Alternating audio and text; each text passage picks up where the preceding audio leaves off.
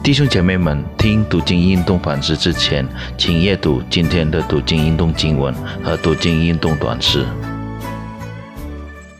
亲爱的弟兄姐妹平安，今天我们阅读经文是来自约伯记第二十二章，请弟兄姐妹先请着读这篇经文，再来跟我一起思想我们今天的主题——受苦难者的祷告。我们先低头祷告。亲爱的主，感谢你在我们生活上的看顾。今天我们再来到你的面前，要一起深思你的话，使我们都能够明白你的话语和真理。奉主耶稣基督的名祷告，阿门。约伯记第二十二章第四到第五节，还有二十三节，岂是因你敬畏他就责备你、审判你吗？你的罪恶岂不是大吗？你的罪孽也没有穷尽。二十三节，你若跪向全能者，从你帐篷众原处不义，就必得建立吗？以利法又开始了第三轮，在前半部第三到第十四章，约伯的朋友指责约伯有罪，使他受苦。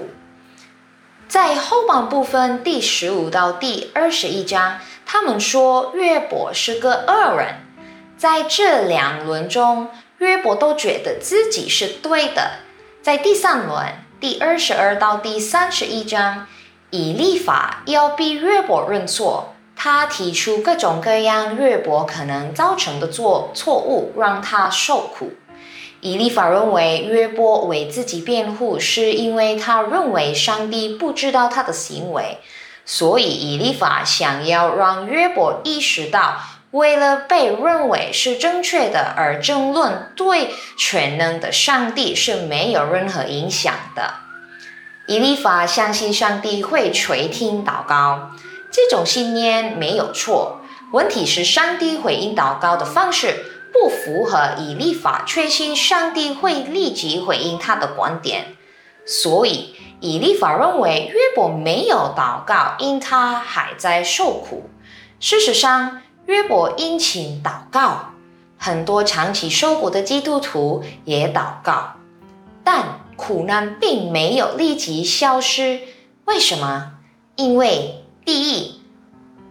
上帝不是必须执行人所命令的帮助者。上帝的等级高于人。上帝回应我们祷告，不是因为义务，而是因为他的恩典。第二，上帝是美善的，他知道什么是对我们最好的，他不会实现没有好处的请求。第三，上帝是蛮有智慧的。他会在正确的时间回答，即使上帝的时间可能太长，甚至对那些正在受苦的人来说是痛苦的。大卫在诗篇第二十七篇第十四节写：“要等候耶和华，当壮胆，坚固你的心。”我在说，要等候耶和华。又是我们还没准备好接受祷告的答复，因此上帝延迟回答我们的祷告。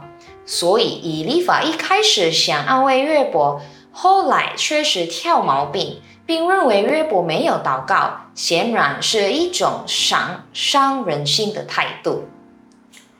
这个世界上有许多事件是人的思想无法理解的，包括上帝如何回应祷告。